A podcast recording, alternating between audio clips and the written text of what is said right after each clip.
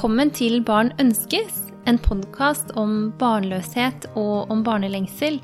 Jeg heter Hedda. Jeg tror mange av dere som lytter, vil kunne kjenne dere igjen i behovet for å snakke med noen som virkelig forstår hvordan det kan være å leve med infertilitet og barnløshet. Noen som kan lytte uten å komme med velmenende, men ubrukelige råd. Noen som kan fortelle om sine egne opplevelser og mestringsstrategier og som kan hjelpe med å forstå at vi verken er alene eller unormale, selv om vi alle takler denne livssituasjonen på ulikt vis. Dagens gjest Elisabeth har også kjent på dette savnet etter et fellesskap med andre som kan lytte, forstå og dele sine egne erfaringer. Hun har derfor tatt initiativ til en selvhjelpsgruppe eller samtalegruppe her på Hamar i høst, og jeg er veldig glad for dette initiativet og har stor tro på at en sånn gruppe kan virke både lindrende og utviklende for dem som befinner seg i denne situasjonen. I denne episoden forteller Elisabeth om hva barnløsheten og IVF-behandlingene har gjort med henne, og om hva hun håper at samtalegruppen kan gjøre for henne og for andre. Vi snakker om hvordan gruppen er ment å være et trygt sted for deltakerne, og litt om det praktiske rundt gruppa. Og dersom noen der ute kjenner at det er for langt å kjøre til Hamar, gir Elisabeth noen tips til hvordan du kan dra i gang en gruppe der du selv bor. Jeg kommer til å dele gruppa i mine kanaler, sånn at de som bor i nærheten kan kjenne på om det er noe for dem. Og dersom dere ønsker å komme i kontakt med Elisabeth, kan dere ta kontakt med meg, så videreformidler jeg. Eh, dere finner meg på Facebook og Instagram under Barn ønskes, og på e-post på barnonskes.gmail.com. Jeg blir alltid veldig glad for å høre fra dere, eller dersom dere hjelper meg med å spre podden i deres kanaler, eller om dere rett og slett tipser en venn.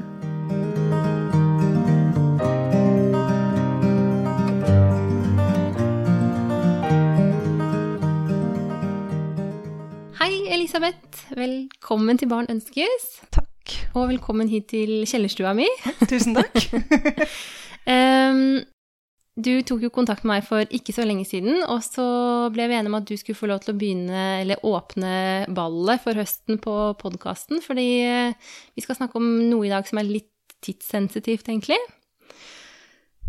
Ja. Vil du si litt innledningsvis, kan vi komme litt tilbake til etterpå? Ja. Uh, ja, jeg har jo funnet ut at jeg skal starte en selvhjelpsgruppe for ufrivillig barnløse. Og det starter da opp her på Hamar nå 26. august. Så ja, da er det jo egentlig bare noe kort tid igjen. Mm. Så da kontakta jeg jo deg for å, for å høre om dette var noe du kunne hjelpe meg å markedsføre. For det er noe med å nå fram til målgruppa når man ikke kjenner noen andre i den situasjonen. Jeg syns det er kjempespennende, og vi skal snakke mer om det senere i episoden. Men eh, jeg ville bare, for de som hører litt og litt, så ville jeg at vi skulle nevne det sånn helt innledningsvis. Så jeg kommer til å Eh, legge eventet på Facebook-sida mi, og også skrive den på Instagram, sånn at folk liksom kan finne det igjen. Men det er altså infomøte 26.8 på Hamar. Ja. Mm. Så bra. Men skal vi eh, gå liksom litt tilbake og begynne med hvem du er? Ja. Eh, Elisabeth heter jeg. Jeg er 41 år gammel. Har tenkt meg selv som ufrivillig barnløs nå i drøyt fem år, kanskje. Men da jeg skjønte at jeg egentlig hadde veldig lyst på barn, så var jeg alene. Eh, så jeg måtte først finne mannen i mitt liv. Og da begynte vi å prøve å få barn for to og et halvt år siden. Mm. Um, når jeg ikke er ufrivillig barnløs, så er jeg egentlig lærer. ja. så det er meg. Ja. ja. ja to, og halvt, to, to og et halvt år med aktiv prøving ja? Mm. ja, naturlig prøving og så IVF nå det siste året. Pluss en adopsjonssøknad som må leveres på nytt seinere når vi kvalifiserer for å levere søknaden. Ja, ja. ikke sant. Hvordan skal vi, vi, kan snakke oss litt gjennom prøvingen din, kanskje. Hvordan si hva du har vært gjennom og sånn. Dere begynte sikkert med å prøve litt på egen hånd? Vi begynte med å prøve på egen hånd. Det vil si, vi begynte med å få beskjed om at vi ikke kunne prøve på egen hånd. Fordi samtidig med at jeg slutta på p-piller, så fikk vi vite at jeg hadde celleforandringer på livmorhalsen igjen. Mm. Uh, så det begynte med en tre måneders karantene på naturlig prøving. Og da følte jeg på en måte at scenen var satt for hvordan dette kom til å gå. Ja. I utgangspunktet, fordi jeg er såpass gammel, jeg har aldri vært gravid før. Har liksom følt at dette ja, har liksom ikke gått rundt og følt meg så veldig moderlig. Um, og så ble det da naturlig prøving etter de tre månedene. Uh, og fordi jeg er såpass gammel, da, så ble det jo bare et halvt år med naturlig prøving før, før vi fant ut at vi måtte oppsuke hjelp. Mm. Så da ble det jo ja, noen blodprøver og noen forsinkelser og litt rot. Og så ble det en, eh, en sånn kikkhullsoperasjon med utredning for endometriose. Og det fant man jo da, selvfølgelig. Mm. Så første IVF-forsøket var da for nøyaktig et år siden i disse dager. På offentlig klinikk? Nei, eh, jeg, vi var usikre på om vi kom til å komme inn og få hjelp eh, på, på offentlig sykehus, for at jeg er såpass gammel. Eh, så vi fikk jo avslag på Rikshospitalet med en gang, fordi de tar jo ikke inn kvinner over 39. Eh, og jeg hadde nettopp fylt 39. Eh, men så var jeg så heldig at gynekologen min hun hadde vært på en konferanse og snakka med noen i Trondheim. Og de sa at de var ikke så opptatt av den aldersgrensen, de var mer opptatt av prøveresultater. Og det viste seg at eh, min kropp er ikke så gammel som 39 år. I hvert fall ikke i den regionen. så da fikk vi positivt svar fra dem. Eh, men vi havna jo da vent på venteliste. Så da rakk vi et privat forsøk på, på en klinikk i Oslo først. Mm. Eh, ja. Ja, for å ikke miste noe tid, sikkert. ja, for det har man jo ikke tid til i min alder. Nei, Nei. ikke sant. Mm. Så ja, så det ble først ett forsøk på Hausken, Klinikk Hausken, som resulterte i Ja, hva var det? Ni egg ut. Eh, ingen egg som klarte seg fram til innsetting. Mm. Eh, og så fikk vi jo bare de til å videresende papirene våre til St. Olav. For da, da var jo de klar på en måte på neste syklus hvor vi kunne prøve. Og da gikk det jo bra på de første to forsøkene der med uttak og ja, to nedfryste egg. Og så på det siste forsøket, da. Vi får de tre forsøkene. Mm. Så ble det ett egg ut. Ett egg befrukta og ett egg inn. Så det kalte de bare for gullegget. Ja. ja. Men det hjalp jo ikke. Det ble ikke noe gullfoster av det. Nei. Det ble bare med det. Ja. Så nå skal vi i gang med da første forsøk med nedfryst embryo. Av de to som jeg da fikk henta ut Ja, på, for på forsøket for RR-en. Ja, fordi at man, når man er så gammel som meg, så kjører man alle stimuleringsforsøkene i serie for å, for å gjøre det mens jeg er så ung som mulig. Og så tar man fryseforsøkene til slutt. Ja, det visste jeg ikke. Nei. Ja, det var... ja, men så fint, da fikk jeg vite det. Ja. Ja, så da hadde du altså fire stimuleringsrunder på rappen. ja. Hvordan har du syntes at eh, stimuleringen og sånn har vært? Har du tålt det godt? Det har jeg tålt godt. Fysisk. Eh, mentalt svært varierende. Mm. Eh, det har vært en berg-og-dal-bane. Eh, ja. Veldig kort fortalt så har det vært en berg-og-dal-bane. Det har jo Mm. vært oppturer og nedturer og prøvde liksom å beholde en sunn dose realisme, skråstrek pessimisme, fra start. Men det er jo veldig vanskelig når du vet at du har et embryo i magen. Så ja. Så har jeg i løpet av det året også mista jobben min, som jeg var veldig glad i. Ja. Så det har liksom vært eh, litt sånn krise på flere fronter. Og det, så jeg vet ikke helt hva som er hva. Jeg er ganske sliten. Kjenner at jeg har ikke igjen så veldig mye håp. Ikke igjen noe tro på at dette kommer til å gå bra. Igjen litt håp. Mm. Og så blusser det opp, og så slukner det igjen, og så blusser det litt opp, og så slukner det, og så Det høres jo ut som en, eh, en veldig stor belastning eh, når det på en måte butter på to fronter på en gang. Ja. Det, det gjør det. Men samtidig så føler jeg at det at det butter på den andre fronten, det Ja, jeg vet det akkurat som at det hjelper meg litt. Fordi at det da eh, Vanskelig å sette ord på hvordan, men, men jeg må jo liksom bare fortsette. For jeg har ikke noe å falle tilbake på. Det er kanskje det.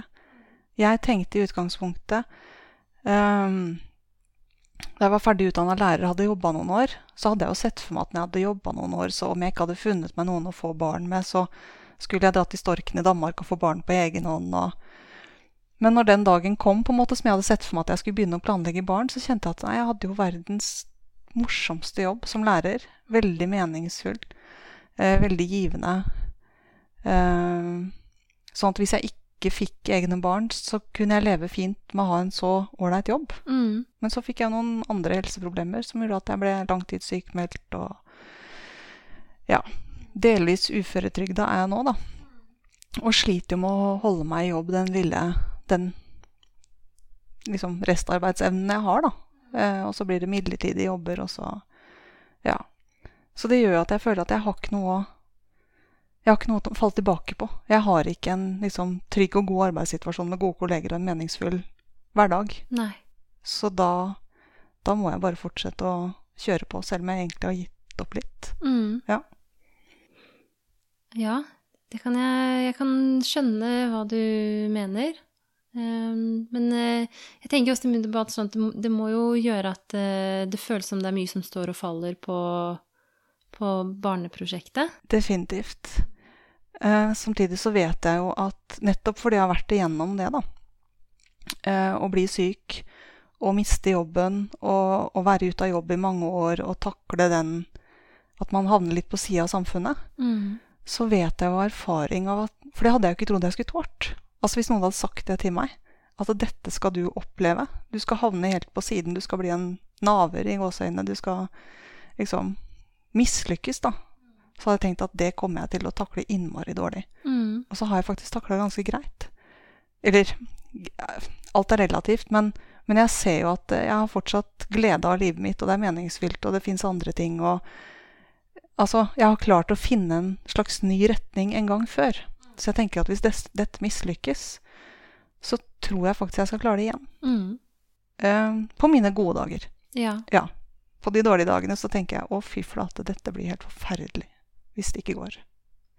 ja, for sånn svinger det jo. Ja, det det kjenner er jeg meg også det det. Det er nettopp det det gjør. Ja. Den ene dagen så tenker man at, uh, at livet er bra, og dette skal man uh, klare å stå i uansett hva det bringer, og dagen etterpå så kan det være helt annerledes. Ja. Mm. Og så har jeg da også litt trening at de dagene hvor det er ganske svart, så er det bare å huske på at ja, men det har det vært før. Og plutselig så snur det. Om en time så kan dette føles helt greit. Eller om en dag. Eller om en uke. Og sånn er livet. Mm. Ja. Ja, det er jo eh, kanskje noe man eh, kan ta med seg videre fra en ufrivillig barnløshet eh, jeg håper si for andre, da. At eh, jeg tror vi blir litt sterkere av dette her. Man lærer jo at, eh, at eh, man kan få motgang i livet, og, eh, og at man kan eh, finne mening og glede allikevel. Ja. Det er bare vanskelig noen ganger å se når man står midt oppi det. Ja. Mm. Jeg har fått litt hjelp også fordi at jeg har i noen perioder så har jeg jobba med flyktninger. Mm.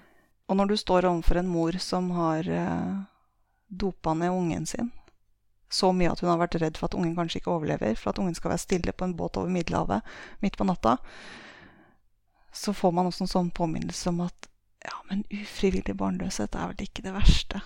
Dette mennesket har mista hele familien sin, hun har rømt fra alt hun kjenner, og hun smiler jo. Så, så det tenker jeg også er en litt sånn øvelse for meg, da, å tenke på at eh, innimellom så tillater jeg meg å kjenne at jo, fy flate, det er synd på meg, og dette gjør Mhm. vondt. Og så innimellom så tenker jeg skjerp deg, livet kunne vært veldig mye verre. Jeg er ganske privilegert. Ja, tenker jeg det er en eh, klok tilnærming. Det å finne en balanse mellom å se det litt i perspektiv, men også å ikke stenge for sine egne følelser. Da. Å kunne tillate seg selv å føle at akkurat nå er jeg sikker på at jeg er den som har det verst i hele verden. selv om jeg vet intellektuelt at det ikke er sånn. Ja, Mm. Men det føles sånn, ja. Mm. Mm. Men ehm, hva har det gjort med deg, da, denne, det siste året med disse forsøkene, og hvordan har du hatt det med det? Jeg føler at jeg blir litt forandra som menneske.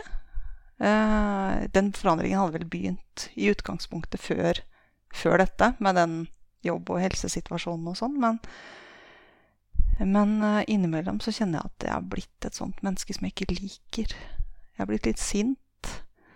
Eh, Bitter. bitter, på vei til å bli bitter. Mm. Eh, litt for selvmedlidende. Eh, litt for hårsår. Misunnelig.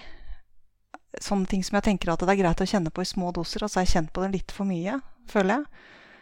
Samtidig som jeg tenker at jeg skal prøve å tillate meg å være et dårligere menneske enn jeg egentlig er komfortabel med. Og så håpe at det går over. Eh, altså, nå, jeg tenker, nå Ja, ja. står jeg jo i en prosess, ikke sant? Ja. Og så tenker jeg at denne prosessen får et utfall. Ja. Eh, og så kanskje vente med å skulle skjerpe meg og bli et bedre menneske til jeg vet hva utfallet blir. ja. Ja. Tillate meg selv å være et litt dårligere menneske. Mm. Ja. Jeg syns det er godt at du sier det så direkte, fordi jeg er helt sikker på at det er mange som kjenner seg igjen i det. Ja. At man får en del eh, tanker og følelser som det er lett å skamme seg over og tenke at eh, sånn vil jeg ikke være. ja. Det definitivt. Jeg har eh, I perioden før jeg fant ut at jeg hadde lyst på barn selv ja, Et eller annet sted i underbevisstheten så lå det vel kanskje et ønske der, men før det liksom ble helt åpenbart for meg, så, så fikk jo alle vennene mine barn. Og de fikk barn nummer én, og de fikk barn nummer to. Og i begynnelsen så var jeg så glad på deres vegne. Og det var jeg i veldig mange sammenhenger. Og her for noen måneder siden så gjorde jeg bare for moro skyld en opptelling. For at jeg har strikka veldig mye babyklær til venner og families barn. Og så har jeg tatt bilde av det for å dokumentere for meg selv etterpå liksom, hva er det jeg egentlig gjorde i de åra der. Oi, dæsken, jeg har strikka mye barneklær og babyklær. Mm. Um, 15 unger har jeg strikka til Ja. som jeg har fulgt liksom eh, gjennom positiv graviditetstest og svangerskap og ja. Og så ble det slutt. Mm. Så da vet jeg jo at barn nummer 16, da var jeg ikke glad på noen andres vegne lenger. Da var jeg sint og grinete og syntes verden var urettferdig og Ja, Mm. i det hele tatt. Så Det er illustrerende. ja, for meg så ble det veldig illustrerende når jeg, når jeg skjønte at jeg, dette kan jeg faktisk telle opp. Når slutta jeg? Um, Når var det? når var det? Ikke Eh, datoen, men, eh, nei, men jeg- var dette rundt da du starta å kjenne på en barnelengsel selv, mens du ja, var singel? Ja, ja, det Ja. var nok derfor. Jeg tror sånn rekkefølgemessig så virker det logisk at det skal ha vært etter at det ble helt åpenbart for meg at jeg ønska meg barn selv. Mm. Så skjedde det nok noe, ja. Mm. Uh, og det er jo da Oi. Ja, det ble litt trist egentlig å få det så tydelig. Det vil si at det er over fem år siden. Mm. Ja. Nei, men det kan ikke stemme, for det er, jeg, tenker liksom det er yngre barn som jeg vet at jeg har vært glad for. Ja, Det har nok skjedd gradvis. det har nok skjedd gradvis, ja. Ja. ja. I Men- starten, når man begynner å ønske seg barn, så, så tenker vel mange at man skal få det. Ja. Sånn at det er spennende, at man kanskje til og med gleder seg enda mer på venners vegne, fordi at man, eh, man liksom ser tydeligere sitt eget målbilde, og så etter hvert som det virker fjernere og fjernere, så kommer kanskje mer av de vonde følelsene. Ja. Selv om for meg så var nok det spennet så kort. Mm. Jeg mista håpet veldig fort. Jeg tror det var noe med den der, eh, de celleforandringene. Jeg fikk beskjed om at jeg fikk karantene. Så gikk jeg liksom fra Yes, jeg har slutta på p-piller, endelig er det min tur, til Ja, jeg møter motbør med en gang, ja. Kanskje det er sånn det skal bli. Mm. Ja. Men derfor så var det litt ålreit, fordi at eh, gjennom um, den jobben som jeg hadde da, som jeg mista nå det siste året, så kom jeg i kontakt med en, eh, en, eh, en kollega i Nederland. Som vi fant tonen på noen internasjonale konferanser. For han går igjennom noe lignende. Ja. En mann. En mann. Ja. Ja. Og det var så ålreit. Vi kunne liksom finne litt trøst i hverandre og forstå hverandre og ja. Og så ble kjæresten hans gravid. Og jeg ble så glad at tårene rant. Ja. Og da tenkte jeg jeg har ikke mista evnen til å glede meg på andres vegne. Men jeg har kanskje mista evnen til å glede meg på vegne av de som jeg får inntrykk av tar det som en selvfølge. Jeg visste at det hadde kosta han så mye. Mm. Um, så det var så godt. Både liksom det at det gikk bra med dem, da. Eller saken er, det vet jeg faktisk ikke, for jeg vet ikke om de kom seg i mål med det svangerskapet. Men at det i hvert fall er ja, en mulighet der. Og så var det godt for min egen del å kjenne at ok, jeg er ikke tvers gjennom fæl. Mm. Ja. Og det er man jo ikke. Man er selvfølgelig ikke det, men, men noen ganger så føles det sånn. Ja, ja. ja. Men uh, før vi uh, begynte å spille inn her, så var vi litt inne på dette med, med åpenhet og forhold til andre, og da nevnte du at, uh, at du har ikke delt med så mange den situasjonen du er i? Nei. Jeg har Altså, det har blitt noen etter hvert, kom jeg på. Men det har vært mer sånn praktiske årsaker. Altså kolleger som jeg kjenner at det blir veldig vanskelig å ikke forklare hvorfor jeg plutselig trekker meg fra en kritisk situasjon i siste øyeblikk. Fordi det blir egguttak eller et eller annet. Ja. Men um, Nei, jeg fortalte til, uh, til mine foreldre. Og så har jeg fortalt det til noen venner. Og så da noen kolleger på jobben hvor det har vært nødvendig. Mm. Men, men, men, ja, jeg har holdt igjen fordi at jeg har vært redd for, for hva som kommer. Fordi jeg har, jeg har, litt erfaring med det fra før, fra den sykdomsperioden min. At øh, folk er ikke nødvendigvis så forståelsesfulle. Eller de kan finne på å si ganske fæle ting. Eh, gjerne i beste mening. Mm, tankeløst og ja. Og det er ikke fordi de er dårlige mennesker, for hadde situasjonen vært omvendt, så kunne jeg sagt noe like dumt eller fælt selv. Men jeg kjente bare at det spiller ingen rolle hvorfor de sier det. Jeg orker ikke å høre det. Nei. Og derfor har jeg vært litt for, forsiktig da, med å fortelle nå om dette. Fordi jeg, jeg syns allerede at jeg har fått, fått nok tilbakemeldinger fra de jeg har fortalt det til, som jeg har slitt med å takle. Uh, Hva kan det være? Ja, det verste syns jeg jo faktisk er den med at uh, Ja, men du må ikke stresse sånn, for da blir du ikke gravid. Mm. Da blir jeg forbanna. Mm. du, du, nikker litt sånn gjenkjennende. Ja, og jeg vet mange kjenner seg igjen i det. En utrolig ja. irriterende ting å si. ja. Så nå har jeg bare bestemt meg for at neste gang jeg får høre det, så skal jeg si å ja, da kjenner du til noen forskning som jeg ikke har sett. Den vil jeg gjerne se forskning som dokumenterer at min livmor merker forskjell på om jeg er stressa for noe på jobben, eller om jeg er stressa fordi eh, vi sliter med å få barn. Og det noen tenker på som stressa, det er kanskje ikke stress. Kanskje er jeg faktisk bare sint, eller lei meg, eller redd. Mm. Det gir ikke sånn økte stresshormoner i seg selv, tror jeg. Det er noe litt annet. Så men, men jeg har jo opplevd at gynekologen min har sagt det samme.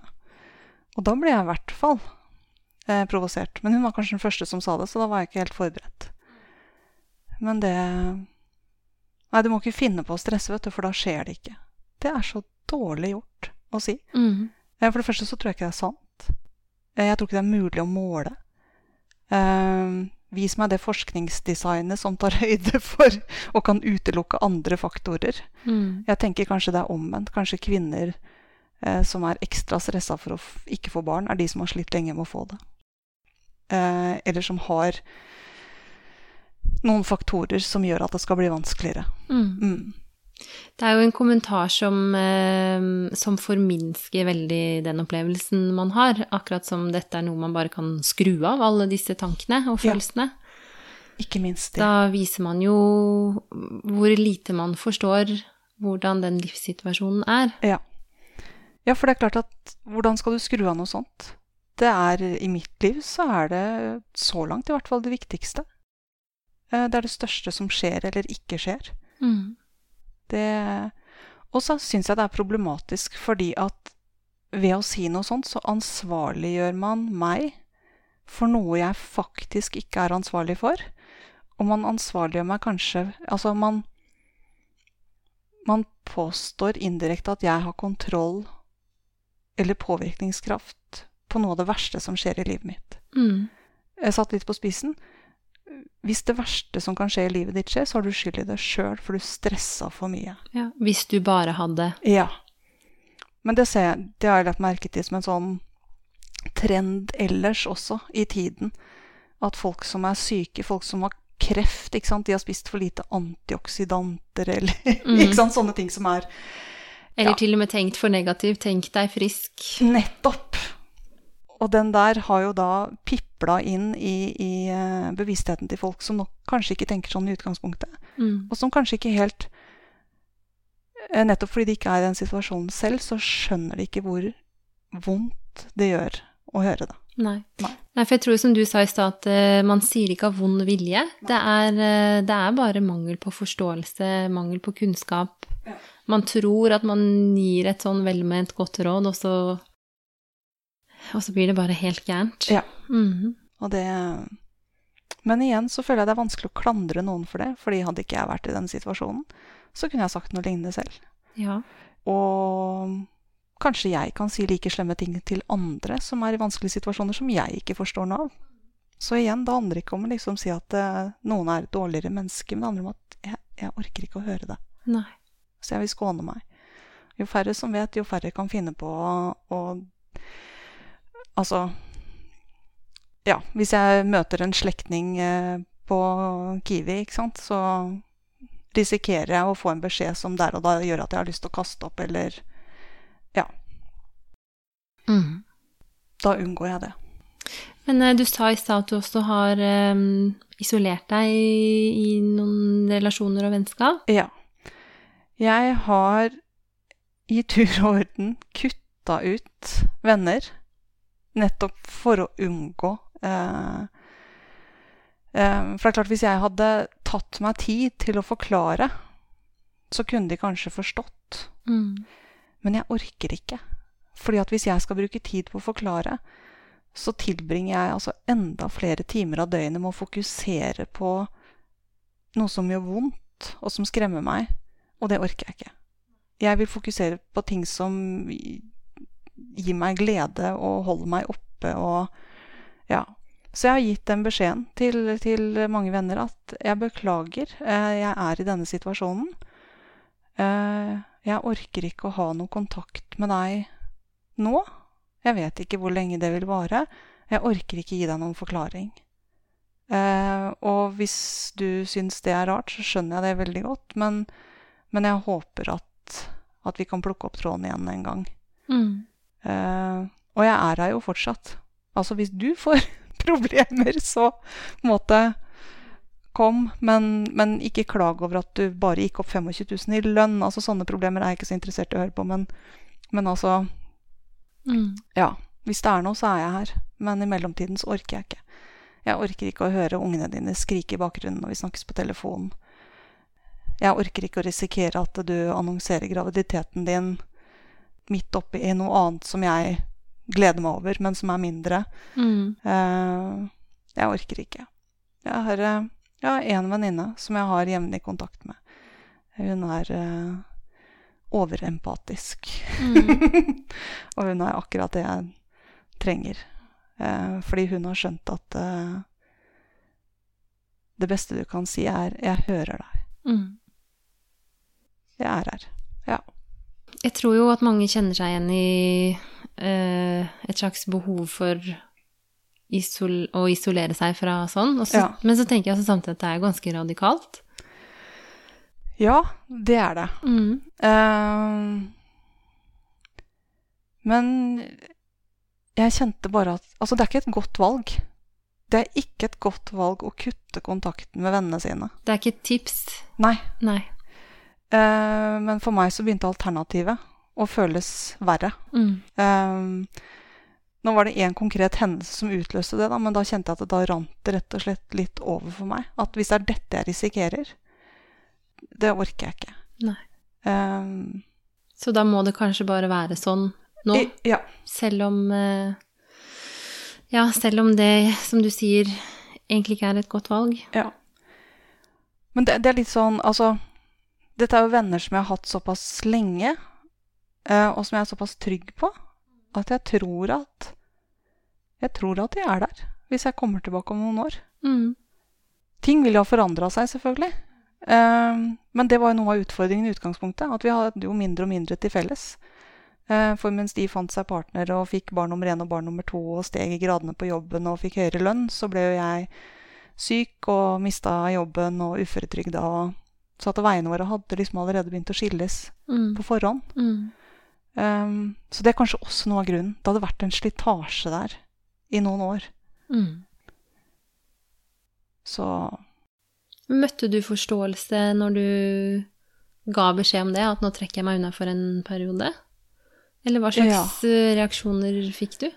Eh, hva slags reaksjoner fikk jeg? jeg det var en, eh, en venninne som sa jeg, jeg forstår at uh, dette er liksom en vet ikke om det var det hun sa, men det var det jeg hadde inntrykk av. At hun forsto at dette var en gjennomtenkt vurdering. Altså at det var faktisk nødvendig å gjøre sånn. Hun kunne ikke forstå hvorfor.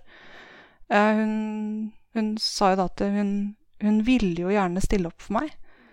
Uh, og, hun, og, hun, sa at jeg er sikker på at hvis du gir meg sjansen, så kan jeg være en god venn for deg. Mm. Eh, og jeg sitter jo da i andre enden og tenker at nei, du har egentlig allerede vist at du ikke kan være det. Ikke fordi du er en dårlig venn, men fordi Du gir meg ikke det jeg trenger nei. nå? Uh, og det jeg trenger, er helt ekstraordinært. Mm. Uh, og det kan jeg ikke be deg om. Altså, jeg syns ikke det er rimelig å forvente at du skal kunne gi meg det. Uh, og ellers så har jeg vel egentlig ikke fått noen tilbakemelding. Sånn, Det er bare blitt mottatt, på en måte. Ja. ja. Du var jo litt inne på det med den venninna som, som, du holder fast ved. Ja. Men hva, hva, hva, er det du trenger? Jeg trenger Ja, det er ikke lite. Nei, for det første så trenger jeg nok eh, en venn som også har gått på en smell eller to. Mm. Um, for hun har gått på andre smeller enn meg. Mm. Sånn at jeg er trygg på at hun forstår veldig mye. Og det har hun også demonstrert eh, i situasjoner hvor hun ikke har opplevd noe lignende selv, men hvor hennes reaksjon forteller meg at hun skjønner med en gang hvordan det er for meg. Eh, sånn at jeg trenger en som jeg ikke behøver å forklare så veldig mye for. Mm. Eh, og jeg trenger en som ikke skal hjelpe meg eh, som ikke syns synd på meg. Altså sånn nedlatende sånn 'uff, det var trasig for deg'. Men som kan vise medfølelse som en, en likeverdig, på en måte. Mm. Eh, og som som sagt sier ikke 'Å nei, men kan du ikke gjøre sånn isteden?' eller 'Ja, men har dere prøvd det?' eller som skal liksom fikse eller hjelpe eller gi råd. Men så bare si 'Jeg hører deg'. Fy F. Jeg hører deg. Ja. Jeg ser du har det vondt. Ja. Mm. Det Og så er jeg trygg på at bak de ordene så ligger det en genuin forståelse. Ikke bare en medfølelse, men en, en forståelse. Ja. Og det er mye å be om, ja. tenker jeg. Så det Ja, eller ja. Er det det, eller Både ja og nei, syns jeg. På en måte Ja, men det er jo det det er jo det jeg håper å gi til mine venner i deres situasjoner, som kan være helt annerledes enn mine. Ja. Selv om det ikke alltid er så lett, og jeg er tankeløs ofte og ja, ubetenksom og kan plumpe uti med mye rart. Men ja. Jeg er nok eh, Hva skal jeg si? Jeg er nok en såpass i gåseøynene dårlig venn selv. ikke sant? Har lett for å skulle gi råd og hjelpe og støtte. Jeg er ikke en sånn god venn som hun venninna mi er for meg, rett og slett. Nei. Jeg har ikke det talentet. Og derfor så blir det lettere å, å forstå at det er mye å be om. Eh, hvis det ikke er noe som kommer naturlig eh, for noen. Fordi jeg vet at eh, Jeg tror jo kanskje at jeg har blitt et litt mer empatisk menneske av å være i den situasjonen jeg har vært i da, de siste ti årene med med sykdom og med ufrivillig barnløshet. Og, men fortsatt så er jeg jo ikke superempatisk, så jeg kan jo ikke forvente mer av andre enn jeg er i stand til å gi selv. Nei. Nei. Det, jeg tenker jo også at det kan jo være Det høres jo litt ut for meg som, en, som om du over tid har vært i en situasjon hvor håper si, du, du har nok med deg selv, og at man kanskje ikke har liksom den store overskuddslageret til å romme andres utfordringer. Jeg vet ikke. Uh, nei, selv om jeg tenker faktisk omvendt. Oh, ja. um, jeg håper i hvert fall at det er sånn. At jeg har hatt overskudd til å romme andre. Fordi um, Det er jo egentlig en helt annen podkast, men det, men det å, å, å, bli syk og miste jobben i begynnelsen av 30-åra, det Veldig kort fortalt så er det helt forferdelig å føle seg så unyttig i et samfunn. Um, sånn at når jeg har følt at jeg har kunnet hjelpe andre, så har jeg i hvert fall prøvd, og jeg håper jeg har fått det til, å være på tilbudssida. Fordi da kan jeg i hvert fall være noe for noen. Mm. Eh, og det henger litt sammen med det der en morsinstinkt også, som begynner å blomstre. ikke sant? Jeg, hele kroppen min skriker etter å være noe for noen. Eh, være den som kan gjøre det lettere for andre å bære sin smerte og Ja. Så derfor så har jeg kanskje ja, engasjert meg litt mer i ja, type flyktninger og Ikke at jeg har reist rundt og redda verden, altså, men, men følt at jeg har hatt mer kapasitet i det, faktisk. Fordi jeg har hatt behov for det selv. Mm. Så det er ren egoisme. Altså. Det er ikke fordi jeg er så snill, men jeg har hatt behov for å være noe for andre. Og en fin måte å være det på, er å, å prøve å være en støtte, da. Mm. Ja. Mm, jeg skjønner hva du Jeg tror Mm. jeg skjønner hva du mener. Ja.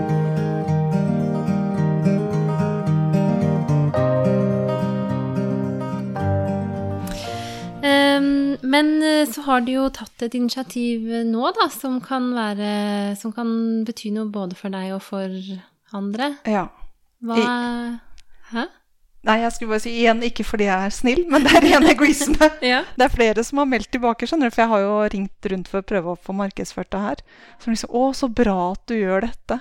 Ja. Og så tenker jeg 'Å ja, dere tror jeg gjør det for noen andre'. Det gjør jeg jo ikke, jeg gjør det jo for meg. ja. Ja. Det er jo det det handler om. Ja, for jeg, jeg bet meg merke i når vi snakka sammen på telefon, så sa du noe sånt som at um, Jeg sa at jeg hadde tenkt samme tanker, men jeg ikke hadde overskudd til å, til å dra det i gang. Og så sa du at uh, Jeg tror du sa uh, For meg så er det nesten sånn at jeg ikke har overskudd til å la være. Ja, stemmer det. Fordi at um, Altså, dette som jeg går igjennom eh, Jo, jeg har hun venninna mi som jeg lufter en del ting for, men hun har to små barn i barnehage og småskolealder og har liksom mye på tapetet, hun også. Mm. Og så er det da samboeren min. Eh, og det er jo begrensa hvor mye jeg kan på en måte lempe over på han. Så jeg jobber litt med å finne balansen der. Mm.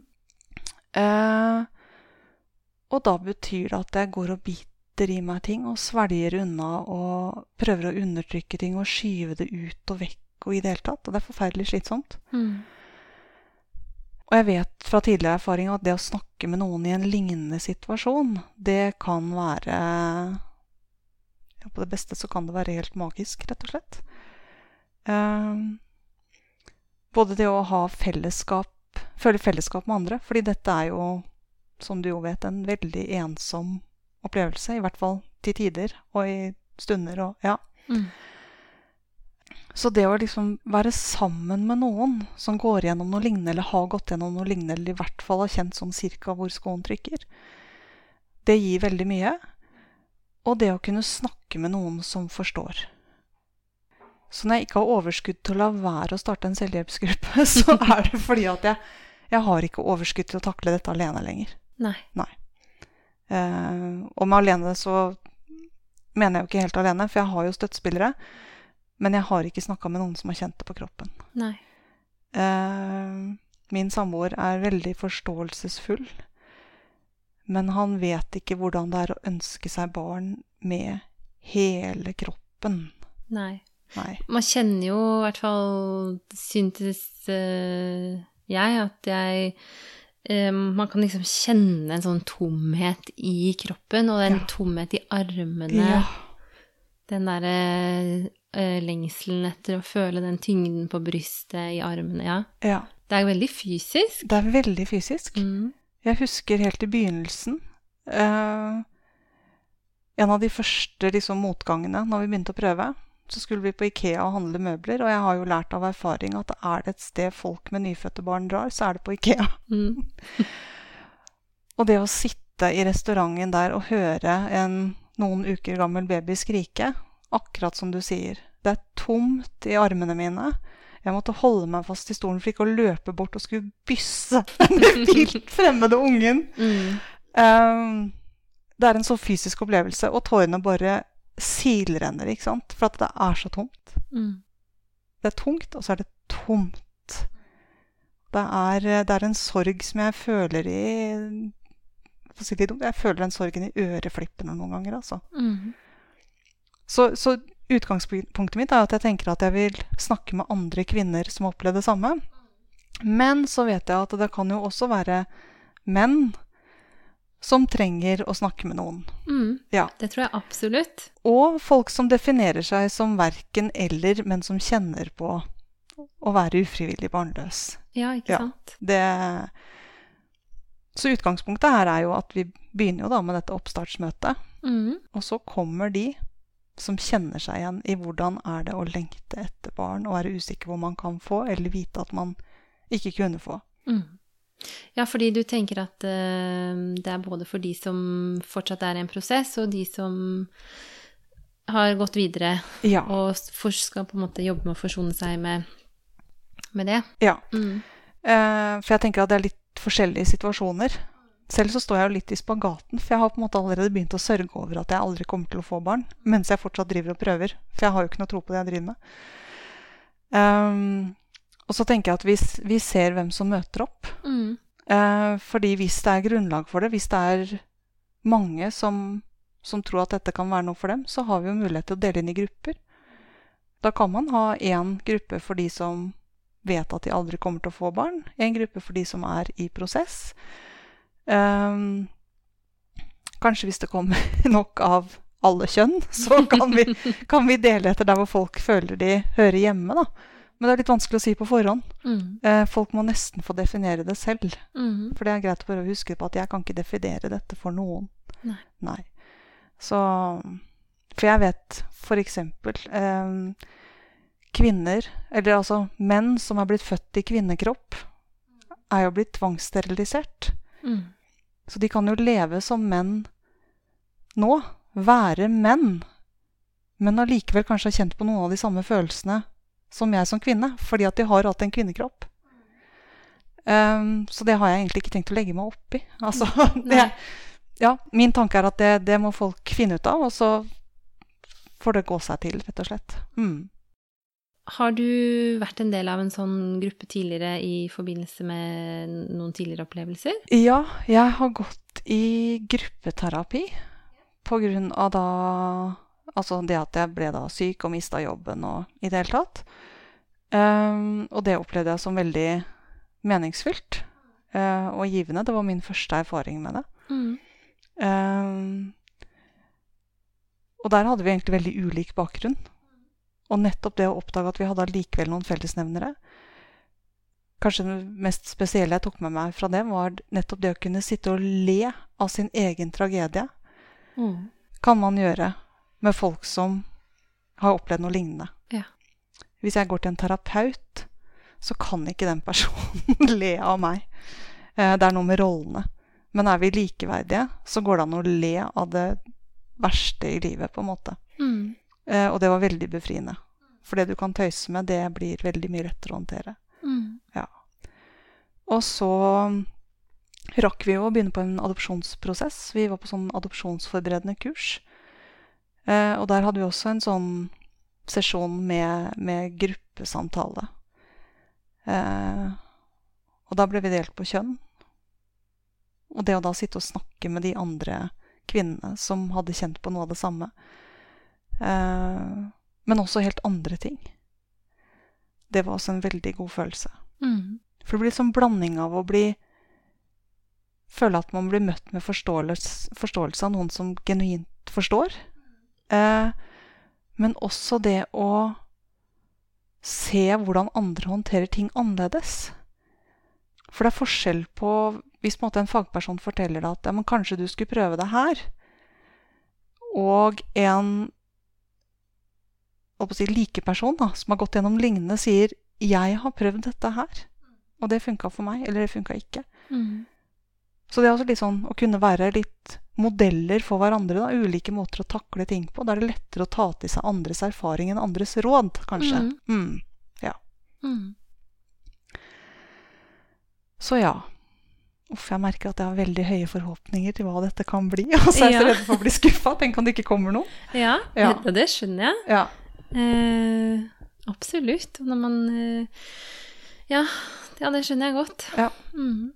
Jeg må jo bare håpe at andre kan forstå litt hvorfor en selvhjelpsgruppe kan være fornuftig, da. Mm. Eh, Hvis man ikke har noen erfaring med gruppeterapi eller Ja, jeg har drevet gruppeveiledning med studenter også. Det er jo litt av det samme. Altså jobbe i gruppe, da. Ja. Men så eh, for ordet selvhjelps... Jeg har ikke vært en del av en sånn gruppe noen gang. Nei? Ehm, jeg har vært i mange gruppesettinger, på en måte, hvor man har jobbet med ting, men ikke så personlig. Ja. Og for meg så er det ordet selvhjelpsgruppe kan virke litt sånn ehm, Jeg kan begynne å lure litt på hva gjør man egentlig i en selvhjelpsgruppe? Er det mye oh, ja. rare øvelser og eh, eh, Jeg har eksempel en eh, samboer som har helt panikk for sånn rollespill eller Men det er vel en, det er en samtalegruppe primært? at Ja! man- Å, Bare- så bra Ja. at du sier det, for det glemmer jo jeg som måte vet hva det er og har erfaring. ja, Ja, nei, det er en samtalegruppe, ja. ja. Det er det det er. Mm, Det er ikke noen oppgaver som skal løses. Eh, Det er ikke noen teknikker eller triks. Det er en samtale i et lukket rom. mm, Og så velger man selv hva man vil gjøre med det. Eh, Men det er et sted å komme og si at eh, dette tenker jeg på. Dette føler jeg. Dette sliter jeg med. Lytte til hva, hvordan andre opplever ting. mm. Ja. Men at temaet er i dette, dette tilfellet, da, ufrivillig barnløshet. Men sånne grupper fins jo for alle. Altså kreftsyke, pårørende til syke, eh, foreldre med barn med skolevegring. Altså alle mulige sammenhenger hvor man tenker at folk kan ha nytte av å prate med noen som opplever det samme. Mm. Det er det det handler om. Det er egentlig helt ufarlig. Du kan møte opp og ikke si et ord. Ja, for det var det jeg skulle til å si, at Ja. eh, fordi det er jo eh, helt sikkert noen som tenker at å, jeg vet ikke om jeg er komfortabel med å sitte og dele Nei. tanker eller følelser, men eh, jeg vil jo tro at det er helt lov å komme dit og fortelle hva man heter, og så lytte. Ja. Det må du nesten prøve ut. Mm. Eh, Sånn at på det oppstartsmøtet som vi har da den 26. august Altså hvis det kommer en bråta med folk som, som står bak i lokalet og ikke sier noen ting, så er det helt fint. De kommer ikke til å bli spurt om noe som helst. De kommer ikke til å bli spurt om hva de gjør der, eller hvem de er, eller hva de heter, eller noen ting. Du kan komme inn, ikke si noen ting, dra igjen. Mm. Ja, men Det er- skal jeg være det er viktig å- lavterskel. Ja, jeg tror det er viktig det. å si, for det, det er helt sikkert noen som tenker nei, det vet jeg ikke om jeg tør. Ja. Det er jo litt samme prinsippet som Altså, jeg har vært borti dette i, i jobbsammenheng, da. Det er derfor jeg glemmer at andre kanskje ikke har helt oversikten. Men det, det som er tanken bak sånn likepersonsarbeid, er jo et av de begrepene som brukes. Anonyme alkoholikere er tufta litt på samme prinsippet. Eh, bortsett fra at her har vi ikke noen mentorer eller Men det handler om at den som er Hvordan er det uttrykket igjen? Den kjenner best hvor skoen trykker, som har den på. Og av og til så trenger du å snakke med noen som har skoen på, Mm. og ikke bare noen som kan fortelle at eh, ja, vi får inn mange folk her på kontoret som har vonde sko. Mm. Ja. Er det, mm, er det en slags fasilitator som Nei. Nei, det er gruppa jeg konstituerer seg selv og Ja. finner sin egen tone, eller hva jeg skal si. ja. Mm. Det kommer til å være med en representant fra Selvhjelp Norge, Mm. Eh, for det er det de driver med. de hjelper folk som meg å organisere sånne grupper. Så de kommer til å være med eh, på det oppstartsmøtet. Og så kommer de til å være med på kanskje første gruppemøte. Og, og sette litt rammene for hva dette er for noe. Eh, blant annet si noe om taushetsplikt. For det ligger jo i bunnen her, ikke sant? at alle må ha en, en absolutt taushetsplikt mot å dele ting som blir sagt i gruppa. Dette skal være et trygt forum å snakke om hva man vil, egentlig. Mm. Og så mener jeg vel også å huske at den, den som er med og starter opp gruppa fra Selvhjelp Norge, kommer tilbake kanskje etter noen ganger for å sjekke at det ikke har sklidd helt ut. Mm. Men ellers så, så styrer gruppa seg selv. Mm. Ja. Og Selvhjelp Norge, det er en ideell Eller en, Ja. Det er et, eh, de tjener ikke noe penger på dette, Nei, eh, det gjør det ikke. Det er ingen som tjener noe som helst penger. og det koster ikke noe å delta. Det koster ingenting å delta. Nei. Vi jobber litt med å få tak i lokale. Mm. Eh, Men det fins jo muligheter for å låne, låne lokaler til sånne sammenhenger. Ehm, så ja, ingenting koster noe penger. Mm. Eh, jeg vil også understreke at dette er sånn livssynsmessig, politisk helt nøytralt. Altså ja. Det ligger på en måte ingen føringer bak på noen som helst måte. Nei. Annet enn at vi skal møtes og, og dele og forhåpentligvis få noe ut av det. Mm. Mm. Så spennende. Og informasjonsmøtet den 26. august er sikkert ikke forpliktende. Nei. Man kan møte opp der og kjenne at dette vil jeg ikke, og så Ja. trenger man ikke å forklare noe mer eh, rundt det. Nei. Det kan være du får et nikk og et smil idet du kommer inn døra, men det, det er det. Ja. Eh, og du kan komme på vegne av noen andre. Du kan komme fordi du er nysgjerrig. Mm. Eh, du kan sende noen andre i ditt sted. Eh, ingen må legge igjen noe som helst informasjon. Mm. Vi har til og med valgt å holde møtet på et litt usynlig sted. For at ikke Altså på et folksomt sted så vil jo folk kunne treffe folk de kjenner også. 'Hva gjør du her i dag, da?' Uh, nei, altså. Mm. Nei. Så det er på vandrehjemmet, som ligger altså tvers over veien for Vikingskipet. Mm. Ja. Mm. Litt sånn uh, passe bortgjemt, men fortsatt i gangavstand fra, fra sentrum. Mm. Ja. Um, da tror jeg vi har sagt uh, mye om det du prøver å dra i gang her på Hamar. Ja. Er det noe annet viktig vi bør si om det som skal skje nå 26. august? Ja, jeg tenker at hvis noen hører på, og den tanken var det du som satte meg litt inn på også, og tenker at nei, Hamar er litt langt å dra, Ja. eh, men kanskje jeg kunne gjort noe lignende selv, så vil jeg bare si at eh, Selvhjelp Norge har gitt veldig god hjelp. Ja. Jeg visste veldig lite om dem i utgangspunktet. Jeg kontakta Hamar kommune for å spørre finnes det en sånn samtalegruppe. Og så sa de nei, det har vi ikke hørt om, men eh, hvis du vil dra i gang en selv, så kan du eh, kontakte Selvhjelp Norge. Ja. Og da bare balla det på seg. Altså i løpet av noen timer så var det gjort, egentlig. Ja, fordi det var det jeg hadde lyst til å spørre om. Um, um, hvis andre der ute i si, Norges land har lyst til å gjøre noe lignende, så har det vært arbeidskrevende for deg? Er det egentlig det å Når du først fikk kontakt med Selvhjelp Norge, så vil jeg tro at de kanskje hjelper deg godt på vei? Ja. De hjelper deg godt på vei, og så hadde jeg litt erfaring fra før av. Mm. eh, Så jeg hadde en viss idé om hva jeg måtte gjøre. Det som krever mest jobb, er å markedsføre det. Ja. Nå fram til en målgruppe som jeg ikke visste helt hvor jeg skulle finne. Så var det jo da en gynekolog som tipsa meg om deg. Ja, jeg håper jo at det er noen eh, Jeg vet jo ikke så mye om eh, hvor i Norge mine lyttere befinner seg, men eh, jeg, det er jo en utfordring også for meg, det der med å liksom komme frem til eh, Ja. eh, de som kan ha bruk for denne podkasten. Det er en utfordring, der, for det er jo en ganske sånn Hva skal jeg si En litt sånn eh, lukka og usynlig målgruppe, som du sa. Ja. Mhm. Jeg kan jo tipse om at det jeg har gjort, som jeg tror jeg er litt, er litt lurt, da, det er å kontakte mellomleddet. Og det er fertilitetsklinikkene på Østlandet. Ja. Eh, og alle har vært veldig positive mm. og sagt at selvfølgelig skal vi markedsføre dette på vår Facebook-side. Mm. Eh, adopsjonsorganisasjonene har jeg fått positivt svar på. De skal også markedsføre det på sine sider. Og ønskebarn delte, så Og. Ønskebarn deler, ja. Eh, som da er Foreningen for ufrivillig barnløse, så vidt jeg har skjønt den Ja. eneste. Ja. Mm. Og så tenker jeg også at eh, hvis noen fortsatt har noen spørsmål, så både jeg og hun kontaktpersonen min i Selvhjelp Norge, vi vil være behjelpelige med å svare på spørsmål hvis det er noen ting. Og jeg har jo da valgt å være anonym. Uh, I og med at jeg ikke har fortalt alle hva jeg driver med, så blir det litt rart om jeg skal eksponere meg i denne sammenheng, sånn plutselig. Uh, men jeg snakker gjerne med folk, og så kan, eh, kan eh, de fra Selvhjelp Norge kan sette noen i kontakt med meg, da. Mm. Men vi kan jo si at hvis noen lytter til denne episoden og er nysgjerrig på det, så Ja. kan de ta kontakt med meg, og så kan jeg videreformidle til deg. Det går veldig fint. Mm. Ja. Jeg hjelper gjerne til. Bare jeg slipper å få liksom fullt navn og bilde klistra opp noe sted. Så ja. Det, og igjen, det ville vært fint om, om det kunne komme til nytte for noen også. Mm. Så ja. Dele erfaringer. Mm. Ja.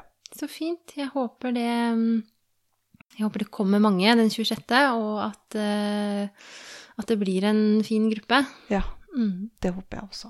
Mm. Um, er det noe annet du har på hjertet sånn avslutningsvis?